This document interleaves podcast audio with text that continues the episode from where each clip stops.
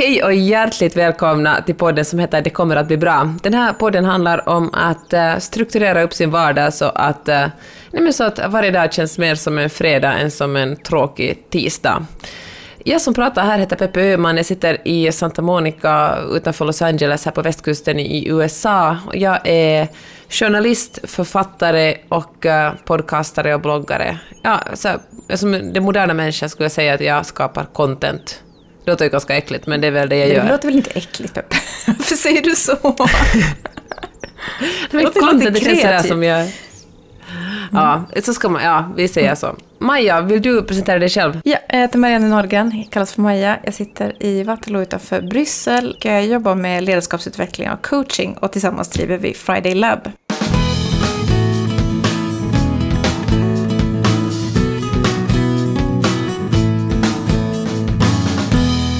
Ja, ska du, vill du berätta lite, Peppe, om vad vi har på gång inom Friday Lab?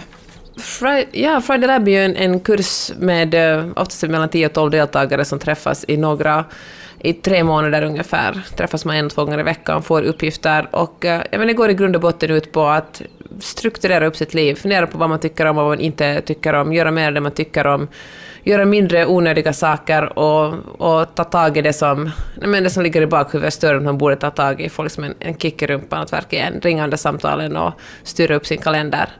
Och eh, det som började med en kurs blev nu ett, eh, ett retreat i Helsingfors i, i, eh, i höst, i september, ordnar vi ett, ett retreat både för helt nya människor som inte vet någonting om Friday Lab och för de som har gått kurserna.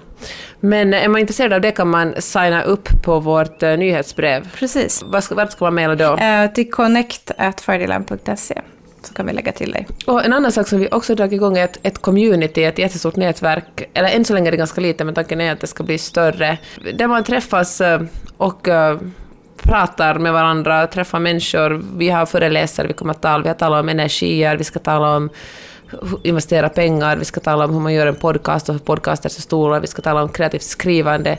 Och uh, styrkan i det här community är ju egentligen medlemmarna. Allt som sägs på, i det här community är Eh, stanna på community, man skriver på liksom ett, ett, ett avtal om att, att inte avslöja någons hemligheter. Och så ska man vara helt öppen med sina tankar och problem och be om råd och bli inspirerad och tipsa om arbetstillfällen eller, eller söka folk som kan jobba för den där. Det kan bli otroligt mm. bra.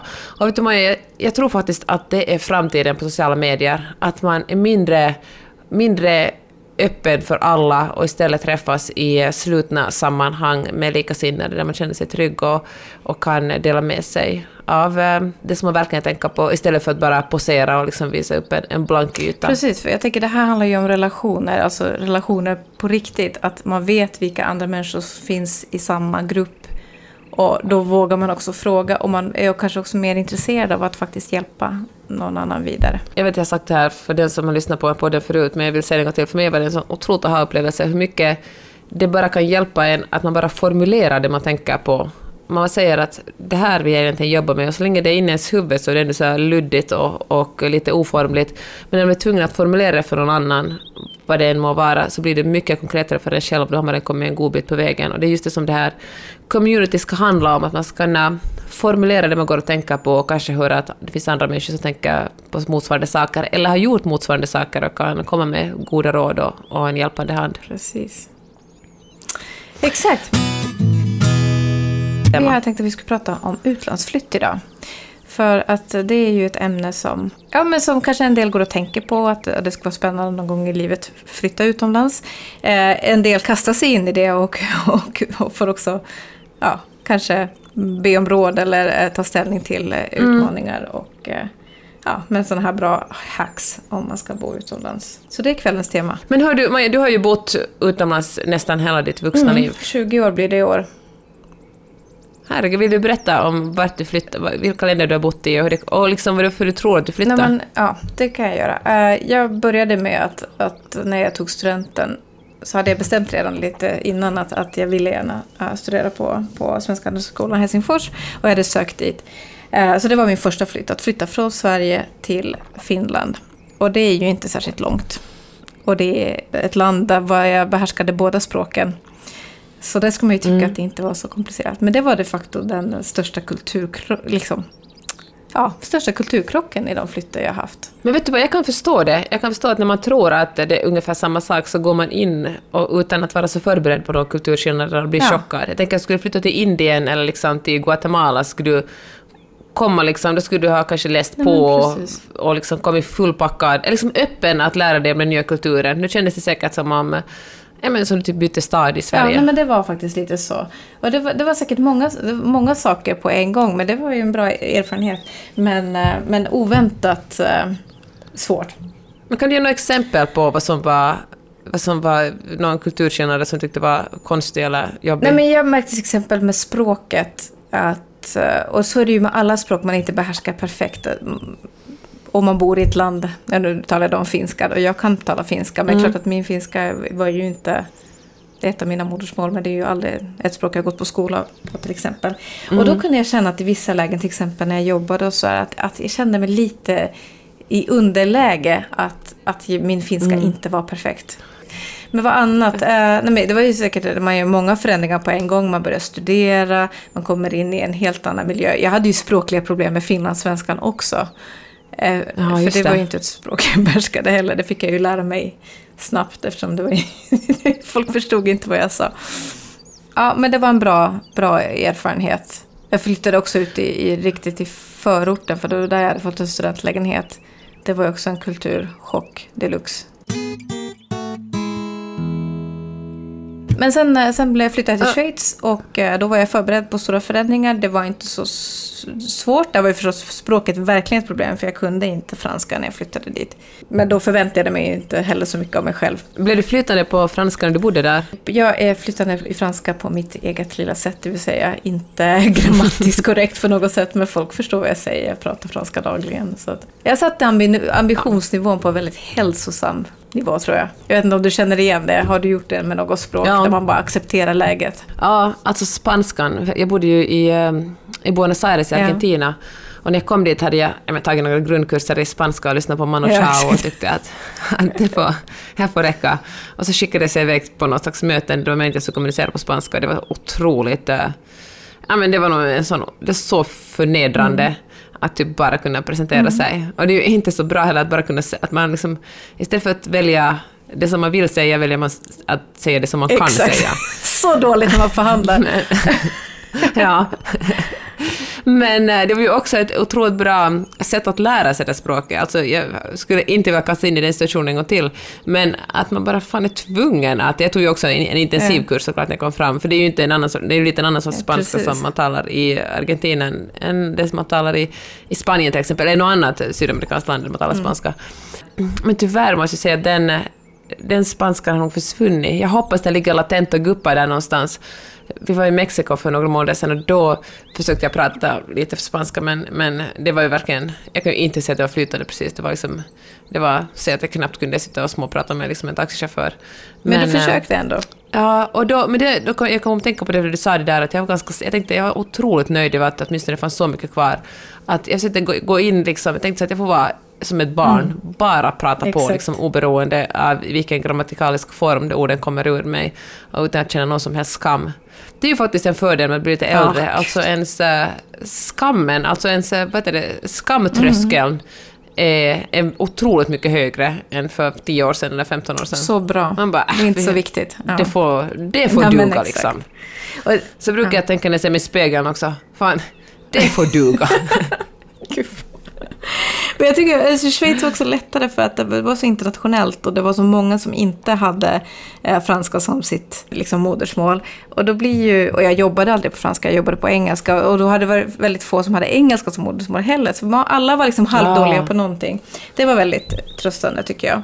Och sen har man ju alltid britterna, amerikaner, det finns väldigt mycket både britter och amerikaner Ja. i den regionen. Och de, de gör ju ingen som helst försök till att lära sig lokala språket. Och då, när man ändå har försökt lite grann, så känns det ganska bra.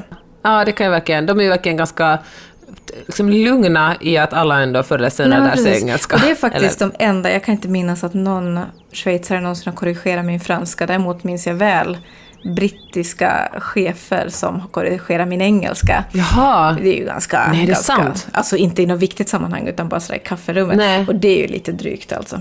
Jag trodde, ju, jag trodde ju alltid att jag var ganska flytande på engelska. Jag, är ju, jag har ju um, plugga i, jag vill plugga i Helsingfors och i, i Holland, mm. men jag skrev min, min gradu på engelska på något sätt inte vet jag varför det fick mig att tro att jag var jättebra på engelska, men när jag kom för att göra masters hit till, eh, till LA var det otroligt förnedrande att märka att äh, men min engelska är inte flytande. Men hur tog du det då, Peppe? Speciellt, Nej, men det var nog det var på något sätt en, en övning i ödmjukhet. För att, jag tror det extra förnedrande var, förnedrande var det att jag pluggade journalistik och, och för mig har jag, det har varit min språk, alltså att jag kan skriva har varit liksom en, en, en viktig del av min identitet. Att, eller det är den jag är nu för tiden.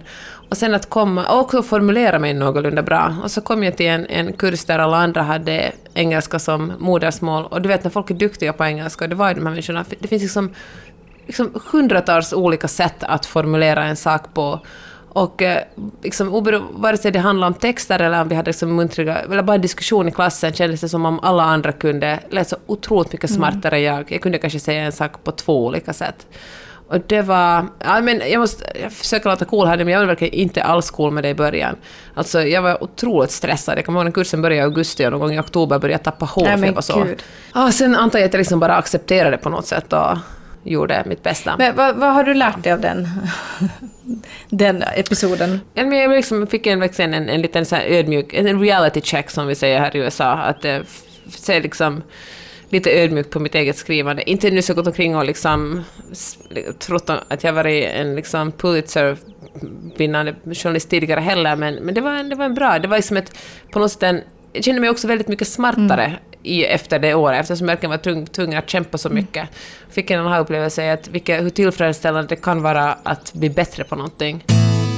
Men sen, eh, det som kanske inte speciellt är skolan, men det som att ha bott, nu har vi bott liksom, går in på sjunde år här i USA, Ja, att min engelska är fortfarande, alltså den är, den är, alltså den är väl ganska bra. Man hör att, att, att engelska inte är mitt modersmål. Jag har liksom en, en jag bryter liksom, ja. Men jag tycker det är ganska gulligt för att uh, jag liksom har blivit liksom lite stolt över den till och med. Det känns lite fint att jag talar engelska men, men jag säger vissa ord på ett sånt sätt som man hör att jag inte är en inföding. Så det är lite din eh, personlighet nu, att det är ditt trademark? Ja, exakt. Och jag, för jag kändes ganska länge över det. Jag var jättenöjd om någon sa att det hörs mm. inte på dig att du är att du är amerikan, då kändes det jättebra. Men nu för tiden tycker men så, när någon annan sa att det hörs på dig att du inte är härifrån, så kommer det bli sådär, åh oh, gud vad mm. pinsamt. Mm. Men eh, nu känns det ganska, ja, men jag gillar det nu. Jag har på något sätt försökt att äga det. Äga, jag äger min, eh, min brytning. Gud vad bra. Det är ju en viktig lärdom, eller liksom som man kan ta med sig. Att, att acceptera det är inte mitt modersmål, så det att jag gör det här och vågar, så det, det är bra nog.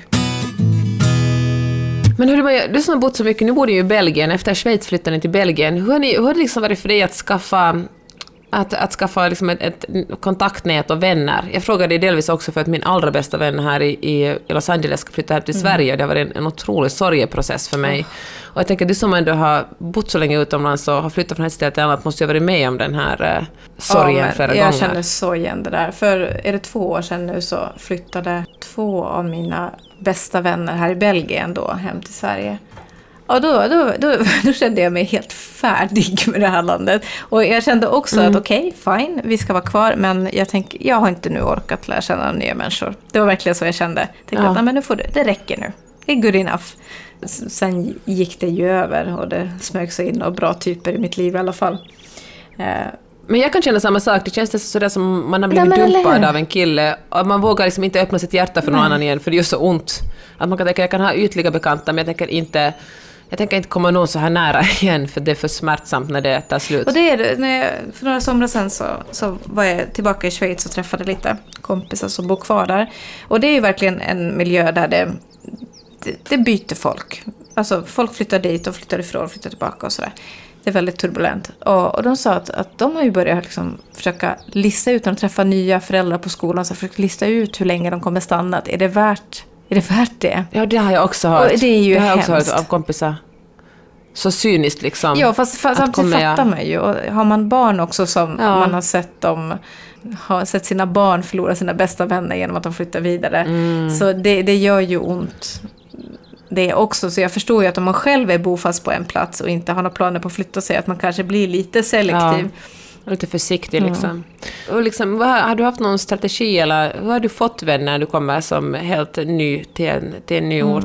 Alltså här i Belgien var det ju superenkelt för vi hade barn i skolålder så det var ju... Ja, barnen är Ja, en bra kom igen. inkörsport. Vi hade ju till och med ett mejl innan att här är er vänfamilj, ska vi har skolan fixad som ni kan fråga om ni har... Vet du. Mm. Och sen, det var, det var verkligen superenkelt. I Schweiz var det ju inte så enkelt för det var... Då fick man ju, jag hade inte ens ett jobb när jag kom dit. Och då var det ju lite att det krävde lite ansträngning. Ja, men olika organisationer och hobbyer skulle jag säga. Språkkurser är ju det perfekta för det är ju ofta andra människor som precis har kommit till land och kanske behöver lära sig språket. Våga gå på sånt och sen kanske också våga vara den som tar initiativ till träffar, promenader. Mm. Eh, Ja, men någonting väldigt casual så att man kan få igång ett samtal. Och jag menar det här, när jag flyttade till Schweiz, det var ju före Facebook. Det är jättelänge sedan, det är 15 år sedan. Herregud, så du har bott utomlands Eh, länge. Så eh, då var det ju inte så lätt som det är idag. Idag finns det ju grupper av alla de slag. Liksom. Ja. Det är ju annars ett bra sätt också att kolla upp om man får erbjudande att flytta någonstans eller är själv sugen på att söka sig någonstans. Att kolla lite hur det ser ut kring Facebookgrupper i den regionen. Att, eh, vad vad Ja. finns det? För det har väl lite en indikation också på vilken sorts människor som hittar dit. Det finns en jättestor grupp som heter Svenskar Mm. i LA, här i LA, och det är faktiskt ingen grupp jag skulle rekommendera för någon. Det finns, det finns ett- en massa andra grupper. Men jag tänker folk är på något sätt så... Det kommer ganska ofta, för det är en jättestor grupp och det finns ju alla sorters Mm. människor, så det kanske inte är de bästa som, som pratar mest där. Men det folk är liksom sådär um, väldigt defensiva. Det kom, vä- väldigt ofta dyker det upp någon som frågar Hej, jag har drömt hela mitt liv om att flytta till LA. Jag vill göra det, jag börjar jobba här. Har ni några Mm. Och det, kommer, det första svaret, eller det som nästan alla svarar är Jaha, det kommer inte att gå men- för du har inget visum och det är jättesvårt att få ett visum. Varför, varför svarar folk så då, tänker du? Ja, jag vet faktiskt. Jag tror liksom att äh, kanske de själva har varit... Det är ju svårt att, att bo i det här landet, liksom, att få visum. Kanske de tycker att de har jobbat så hårt själva att ingen ska tro att man kan glida in på en räkmacka. Men, men det, det är nästan som om det ska vara en, hem, en Det är verkligen ingen hemlig klubb att det existerar. Men det är nästan som om de vill hålla det som en... Nej, men det känns som om de inte vill att det ska komma andra nej, människor, i- andra landsmän hit. Fräscht. Det du som har bott på en massa olika ställen, vad, skulle, vad har varit dina största utmaningar då? Jag tycker att det faktiskt har blivit lättare att...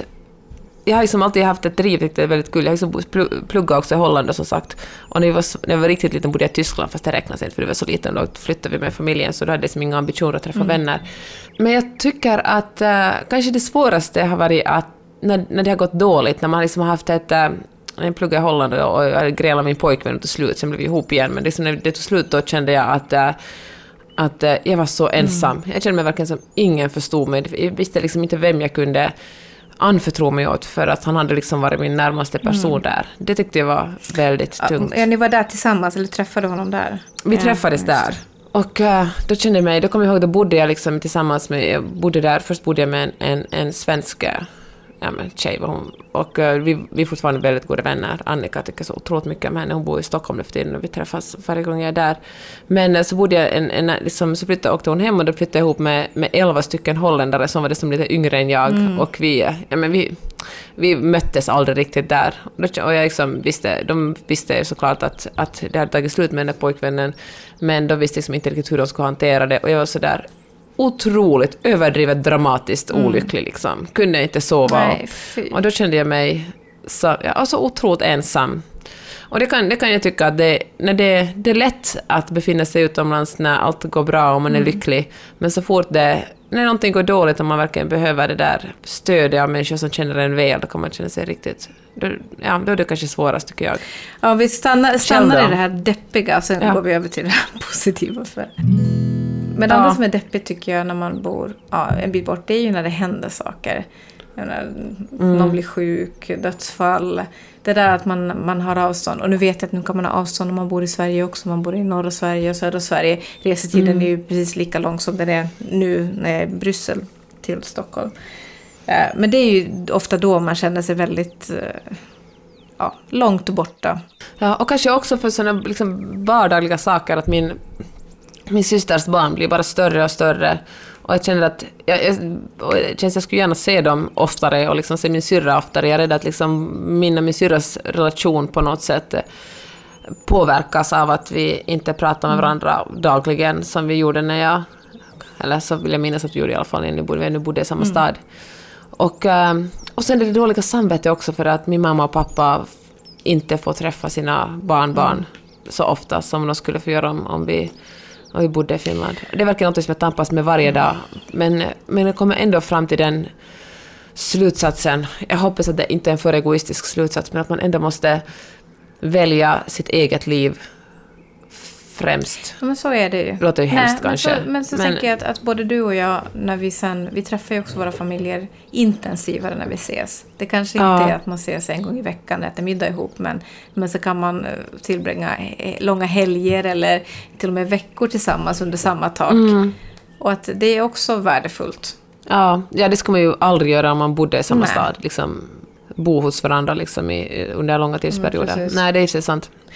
Det är en liten tröst i alla fall. Det är ett, liksom en annan sorts umgänge som kanske också blir mycket... Att man kommer... För man är tvungen att komma varandra närmare under den korta perioden man är i, i, i samma land. Precis. Och så kanske man måste också... eh, Man kan inte ta varandra för givet på samma sätt. Man kanske får investera lite tid i att upprätthålla relationen på distans också. Vet du, att Ja. om man har sin mamma en timme bort så kanske man inte är noga med att man ringer. Nej, men det är faktiskt sant. När jag bodde i Helsingfors ringde jag verkligen inte Nej. min mamma varje dag. Nu ringer jag henne liksom åtminstone fem Ja, gånger tänk. i veckan. Och vi talar ju kanske aldrig så länge, men vi talar ändå mm, liksom en tio minuter, en kvart. Så det kräver liksom rutiner och struktur kring att upprätthålla relationen på ett annat sätt än vad man, när man har dem nära. Ja, eller man är kanske, precis, man är kanske tvungen att, att på, ta den på allvar. Att liksom se över den och säga att hur en relation vill jag ha med den här människan? Hur ofta vill jag prata om den? Är det viktigt för mig att, att vi, eh, jag menar, vi håller kontakt? Eller, för att när man bor i samma stad kanske man bara liksom nöjer sig med vetskapen om att människorna finns nära och tillgängliga. Men man kanske inte gör så mycket aktivt för Och dem. vet du, när jag flyttade från Helsingfors eh, så eh, sa en av mina bä- bästa vänner så här att ja, nu var det då slut, att vi kommer aldrig hålla ihop. Hon sa inte det till mig bara, utan det gänget så Mm. umgicks mycket. Att hon vet att det, sånt där, det rinner ut i sanden när man bor i olika länder. Och det är så komiskt för att just den här helgen så har hon varit hos mig här.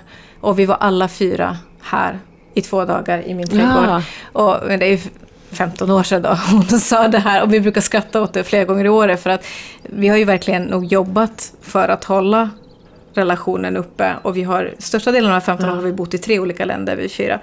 Men nu ses vi flera gånger i året på olika platser. Så Oftast fint. alla fyra, Anna ibland i olika konstellationer. Så det, det handlar verkligen om att, att hitta sina sätt att upprätthålla det. En annan kompis har ju mina promenader en gång i veckan på, per telefon. Ja, jag vet. Det är jag menar, otroligt bra. Mycket bra. Att det går ju att lösa om viljan finns, så att säga. Men hörru, jag Ja. ställde på Instagram ställde jag frågan eh, att vad är det för svårigheter? De som har flyttat till ett annat land, vad har de stött på för utmaningar? Och där kommer ju de här helt basic grejerna som att hitta boende, öppna bankkonto. Ja, just det. Anna, andra länders Ja men byråkrati. kom igen. Alltså, Herregud. gråtande Så- från bankkontor. Ja, visserligen bara i Schweiz, men jag kommer Ja. ihåg till och med i Finland hur, hur svårt det var. Ofta blir det ett sånt catch 22. För att kunna få hyra en lägenhet måste du ha ett bankkonto för att visa att du har pengar, men du kan inte få ett bankkonto om du inte har en adress i Exakt. landet. Och ja, jag får gråta från schweiziska banken för jag hade fått jobb. Eh, men de ville inte öppna ett bankkonto åt mig för att, eh, ja. Och då, så det slutade med att jag fick mina första löner per check. Ja, men vet du vad, vi betalar hyran över Ja. check fortfarande här i LA. Det är så otroligt Det gammaldags. vet du vad, nästan varje månad är jag tvungen att youtuba hur man ska göra Ja, just check det. nu igen. Precis. Ja, det är härligt. Ja, Okej, banken. Och eh, lägenhet, det handlar ju ofta om att man faktiskt inte vet helt konkret hur, hur marknaden fungerar. Eller att man skulle behöva lite Nej. kontakter för att fatta vad man ska leta, hur man ska leta, vad som krävs av en. Ja. Ja. Men sen det här med lokala vänner. ja, det är faktiskt svårt. Det är jättesvårt. Den enda lokala vännen som jag har kontakt med från Argentina är min ridlärare. Mm. Och det, han är nog ganska aktiv på, på Facebook. Jag tycker det är otroligt... eh, jag vet inte hur engagerad han är i mitt liv, men jag tycker det är väldigt härligt att se vilka sorters hästar han sysslar med nu för tiden. Men det är ju väldigt lätt, när jag bodde i Holland um- umgicks jag nästan uteslutande med, eh, med andra utbytesstudenter. Det, men det är också roligt för vissa människor som man umgås med, eh, kanske inte superhelhjärtat, utan bara liksom umgås lite med, men så finns det någonting som gör att de kommer att hälsa på mm. en i ens land, eller att man, till exempel en kompis Mike, som han är amerikan och har råkat göra sin master samtidigt som jag var utbytt Erasmus-student i, i Holland. Och, och, innan han åkte hem till USA gjorde han en roadtrip med sina, då, sina holländska mm. vänner och, och körde dem upp genom Sverige, Danmark och hälsade på sig i Helsingfors och sov några nätter hos oss i mm. Helsingfors. Och vi blev, det på något sätt befäst, fäst, befäste vår, vår vänskap. Så otroligt fint. Sen åkte jag några år senare på arbetsresa till San Francisco och då råkade han också, han bodde någonstans ja. i trakten, jag tror att han bodde i Seattle då, då kom han ner och hälsade på mig. Och nu hälsar jag på honom. Och, och sen dess liksom har vi, vi träffas inte varje år, men uh, vi whatsappar liksom ofta och vi... Uh, ja, men jag tycker så otroligt mycket om honom. Vi är verkligen... Det är en vänskap som, som verkligen inte handlar om att vi umgicks ofta, men det finns ändå, de gånger vi träffas så är det ja, men känns vi väldigt nära varandra. Det är ju nice. Och det är ju också viktigt att tänka att, att äh, vänskapsrelationer behöver ju, alltså det finns så många sorter. Ibland räcker det ju att, att man har en ganska light version. Eller hur? Att det behöver ju ja. inte alltid vara att man hittar sin själsfrände. Men man kan, man kan göra, göra det. det. Men jag tycker som mm. du sa, att jo, absolut. det är intressant att det är svårt. Han är liksom, han är en av mina, vi träffades då i Holland som sagt, men han är en av mina närmaste amerikanska vänner. Jag har inte så hemskt mm. många andra amerikanska vänner om jag ska vara helt ärlig. Jag har ju några några kompisar från när jag, när jag gjorde min masters här, så har jag några föräldrar från, från Viddes skola. Och, och, det handlar inte heller om det att ofta säger man att, att det är svårt att komma, jag tycker jag att det, är svårt att komma in liksom, få vänner, lokala vänner eftersom de har sina mm. etablerade liv. Och det, så, så kände jag ofta kanske i Helsingfors att det var svårt att få liksom en bli kompis med en fransk utbytesstudent mm. eftersom ja, jag hade tillräckligt med vänner. Jag behövde mm. ingen ny, men den här utbytesstudenten kanske behövde mig mer än, än, än så. Men LA är ju en stad dit folk verkligen kommer från hela världen och hela USA, så det är väldigt många här. Det ses att det är en väldigt ensam stad, för väldigt många av de amerikanska vännerna vi har här har flyttat från östkusten hit, eller, och kände inte heller så många. Så det handlar liksom inte om att det är därför det är svårt att, att få amerikanska vänner. Men jag tycker faktiskt det finns en, det, det, finns en, det finns en kulturskillnad som gör att vi har lite svårt att hitta varandra. Jag tänker att det finns det någonting med det, det extremt individuella, den extremt individuella kulturen i USA, medan man ändå på något sätt i Norden är liksom uppfostrad i en uh, välfärdsstat mm. där vi tar hand om varandra. Och jag tror att det här är så pass uh, grundläggande värderingar att eh, trots att man tycker väldigt om, väldigt, det finns många liksom, jag har väldigt många kompisar, amerikanska kompisar som jag kanske ändå inte skulle kalla, skulle kalla nära vänner eftersom det finns den här, eh, den här, den här skillnaden i hur man ser på mm, världen. Intressant. Jag tycker det är jätteintressant. Och jag tänker att det kanske man inte ska nödvändigtvis vara en dålig sak att man går via det enklaste. Jag menar, är man ny på plats så kanske det inte Nej. är så dumt att eh, söka upp andra svenskar eller finländare eller danskar eller vad som nu känns nära och enkelt som ett första steg. För det viktigaste är ju att man kommer, att man får Verkligen. något nätverk. Att någon som vet någonting mer än du vet om platsen du är på. Eller någon som du kan ringa när det skiter sig med någonting. Eh, och sen och bara liksom inte se det som... För jag vet att det finns olika sorters eh, utlandsflyttare. Det finns ju de som inte vill ha någonting med sin egen nationalitet mm. att göra. Som skyr det liksom, verkligen. Och ser det som ett nederlag ifall man ses ja, tillsammans med andra precis. svenskar till exempel. Och så finns det de som Exakt, går all in. Och jag känner att, att eh, det, det, har varit en bra strategi för mig åtminstone att hitta några vänner som sen länkar. Och sen när man känner sig redo för att ta sig an nästa etapp, ja men då, då skulle jag säga att då är det säkert sådana här aktiviteter, hobbyn, det bästa stället att hitta vänner. Ja. Eller bekanta. Tänker så din ridlärare. Ja, Ex ja, jag har faktiskt kommit nära mina andra ridlärare här också nu när du säger det så. Det är säkert de amerikaner som jag kommer närmast. Att det finns någonting, att man hittar någon slags, gemensam, någon slags gemensamt intresse, vare sig det sen är hästar eller mat eller fotboll Precis. eller liksom någonting annat. Men jag tycker det var viktigt det som du sa, att inte känna åh, oh, när jag flyttar utomlands så nu får jag inte umgås med folk från mitt... Att det är ett nederlag att umgås med folk från det egna mm. hemlandet. Än sen mm. då, alltså lev livet och ha det bra. Det finns liksom inga regler om hur man ska göra när man flyttar Nej. utomlands eller vilket finare eller sämre sätt. Så tycker jag också att det finns en viss tröst i att uh, det räcker med att träffa en person för att, den här, för att man skulle få ett stort kontaktnät. När vi kom hit så pluggade jag så otroligt hårt det första halvåret så jag, knappt, jag såg knappt någon annan än... Jag såg bara mina universitetskompisar. Mm. Men så blev vi bjudna på en träff just alltså min vän Cecilia som nu skulle hem till Sverige. Jag råkade springa på henne på den lokala Svenska kyrkans julmarknad och så började vi prata faktiskt om mm. hästar. Och eh, hon kände inte jättemånga här heller och, och hon skulle fylla år några månader senare. Och vi fick genast en bra kontakt och så bjöd hon mig och Magnus på sin födelsedagskalas. Otroligt kul och fest med en massa andra svenskar, vi var kanske 35-40 personer. Och på den här festen öppnades liksom, ja men här fick jag nästan en, där liksom hela mitt mm. nätverk i USA öppnades på den festen. Och bland annat Karin Gide som jag gör mellan raderna-podden. Hon råkade vara och hälsa på i, i LA då och vi kom genast jättebra överens. Och, och eh, Ja, men nu blev vi också goda, vi blev goda vänner. Så fint! Och där tycker jag, där gjorde ju Sissa någonting väldigt bra. Liksom, att, att är det så att man inte känner så många och så hittar man någon som man har något gemensamt med. Att bara liksom bjuda in den och alla andra man har haft någon connection med till fest. Alltså det är precis, precis. så man ska göra. Bara ta kontroll över situationen. Vad kan jag göra? Precis, och inte gå omkring och vänta inte på att vänta. det ska Precis. hända någonting. Och, sen, ja. och, inte känna det pinsamt heller att, att säga att hej, ska vi gå på en öl? Alltså jag vet, jag vet Magnus, min man, att klipparna mm. på det, så jag kanske tycker det är pinsamt att jag hänger ut honom här, men jag gör det ändå. Han, eh, jag kan föreställa mig att, att, han tycker att det är svårare att be ut, eller åtminstone i början, att vara sådär åt en, en annan mm. man, hej, ska vi gå på är du intresserad av att ta en öl med mig? Att det blir som en, att de bjuder ut någon på en dejt. Jag tänker att kvinnor kanske på något sätt, att det faller sig naturligare för kvinnor att, att gå ut och, och träffas. Ja, jag vet inte, kanske fördomar Nej, kring kvinnor och män här. Men jag tycker, strunt samma. Alltså, fråga folk, hej, som du sa, ska vi, ta en, ska vi ta en promenad? Eller hej, jag ska gå på den här konserten, har du lust att mm. hänga med? Eller jag tänkte hänga på stranden.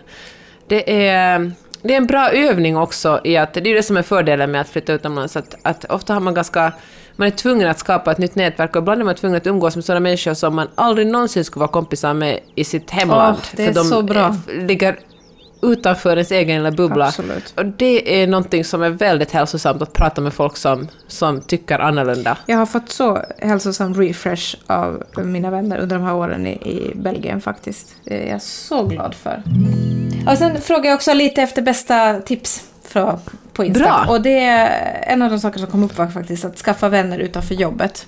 Och via hobbys då. Mm -hmm. Och sen att uh, vara lite ödmjuk för landet man flyttar till och acceptera det så som det är. Hur känner ja, du där? Ja, jag, jag, känner att jag kanske inte var det när jag bodde i Holland. Mm. Jag var liksom nästan så här trotsigt tyckte att allt som vi gjorde, att allt var lite bättre i mm. Finland.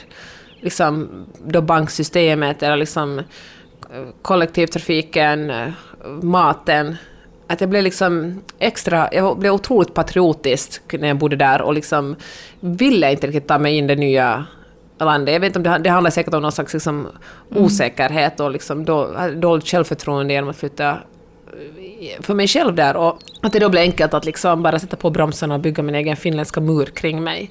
Nu känner jag faktiskt nästan tvärtom många år senare. Jag bor här i LA. Jag tycker att, inte som jag skulle vilja bara omfamna den amerikanska kulturen, men jag känner, mig, jag känner en sån otrolig frihet mm. att uh, men bara se vad som händer. Jaha, tycker så här gör man här. Det kan jag testa på. Intressant liksom. Det, det kanske också kommer med, ålder, med åldern att man blir mer ödmjuk inför olika sorters sätt att leva. Nej, jag kan inte minnas att jag på Finland klagar så hemskt mycket faktiskt. Eh, under mina år där. Men däremot så vet jag ju att jag har inte varit sen med att lyfta fram vissa nackdelar med Schweiz som land att bo i. och det kanske är lite orättvist för det, det finns nog fler positiva saker än negativa. Om man säger så. Och i det här landet där du befinner mig samma sak. Eh, så det tror jag faktiskt att jag ska sluta med. För det kan ja. man ju faktiskt ja, göra. Det var faktiskt en aha-upplevelse jag hade för ett tag sedan. Att jag måste alltså, vara, omfamna den, den miljön där jag är ja. i. Eh, trots att jag gjort det delvis så, eftersom jag nu verkar ha en tendens att stanna väldigt länge på samma plats. Eh, mm. Så måste jag liksom bli bättre på att göra det snabbare. Och inte bara tänka att men det blir bara två år. Så att, ja.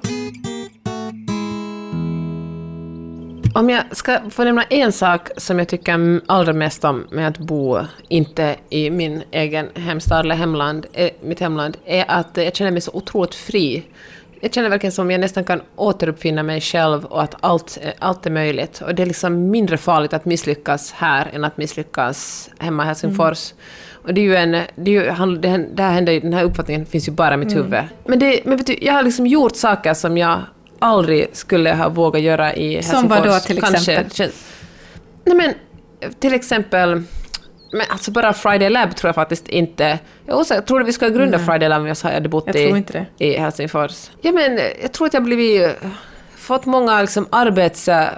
Alltså uppdrag också för att, eh, som, jag kanske skulle tacka ja till dem i Helsingfors, men jag tror de aldrig skulle ha kommit fram, de liksom aldrig skulle ha nått mig vissa uppdrag om jag, om jag inte liksom hade träffat människor Mm. här som i sin tur hade presterat mig för andra människor. Alltså mitt kontaktnät i Sverige är otroligt mycket bättre efter att jag flyttade till LA än när jag bodde i Helsingfors. Så det där är ju Det är som spännande. en, en genväg till Stockholm. Ja, det är liksom. jättekonstigt. Men, eh, men den där friheten, också den kreativa friheten, äh, nu testar vi på det här.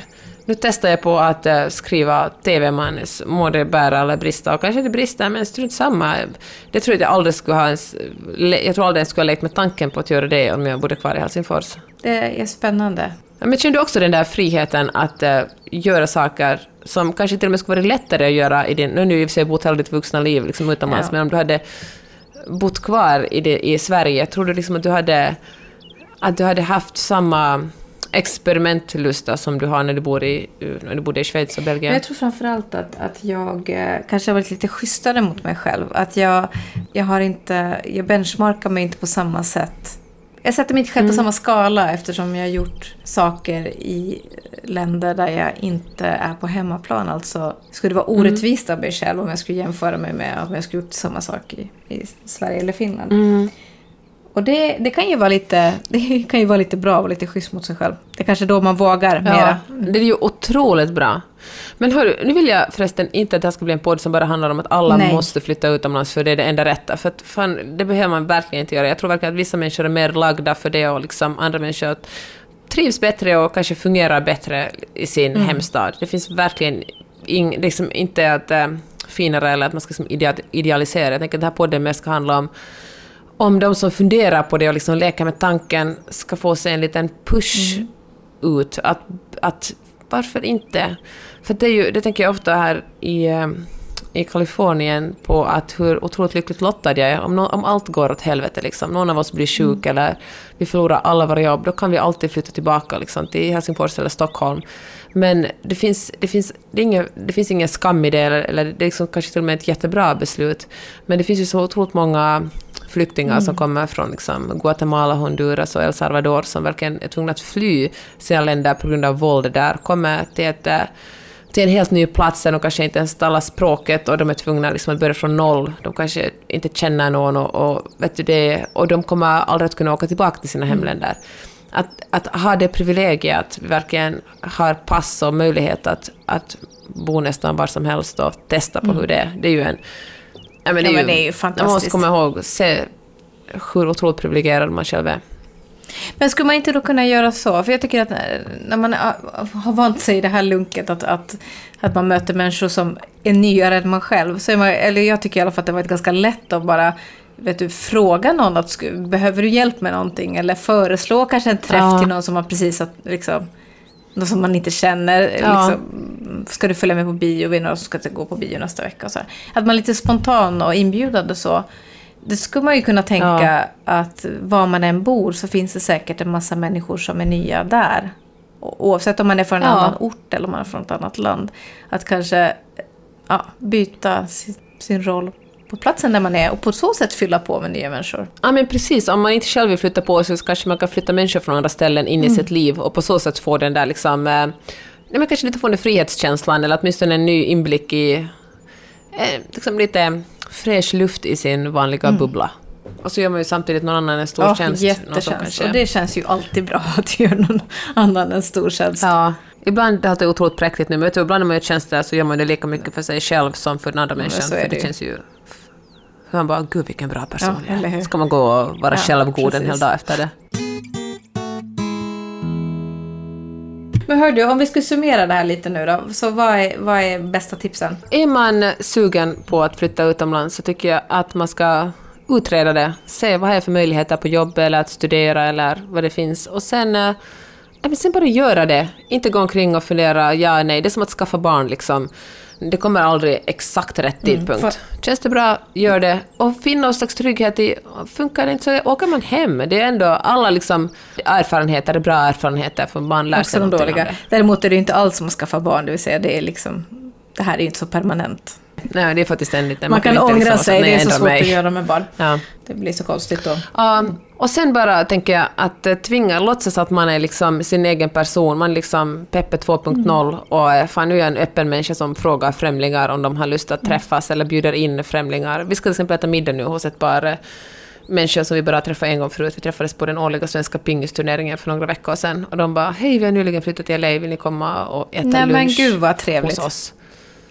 Ja, och det är vet du, nästan som ett spel. Alltså det är så otroligt kul att träffa nya människor. Man bara, jaha, vem är ni? Precis. Jag så, ni tänker så här. Och sen blir man, ibland blir man jättegoda vänner, andra gånger känner man, ah, det var en trevlig eftermiddag, men här Exakt. finns nog ingenting mer. Gud vad spännande. Men sen då, det ändå varit kul. Ja, Ja, och så det där du sa om språket tycker jag var jättebra. Det tycker jag ska in på topplistan. Att eh, acceptera, försöka läsa språket, men acceptera att det är okej att man inte är perfekt. Man gör så gott man kan och det är kanske just det som gör att du sticker ut lite. Att just det är hon som har den här bakgrunden. Att det också hörs. verkligen liksom äg, äg din Mm. brytning. Precis. Och sen gå, skaffa sådana hobbyn och försök hitta, hitta kanske ställen dit locals går och yogar eller springer eller spelar golf.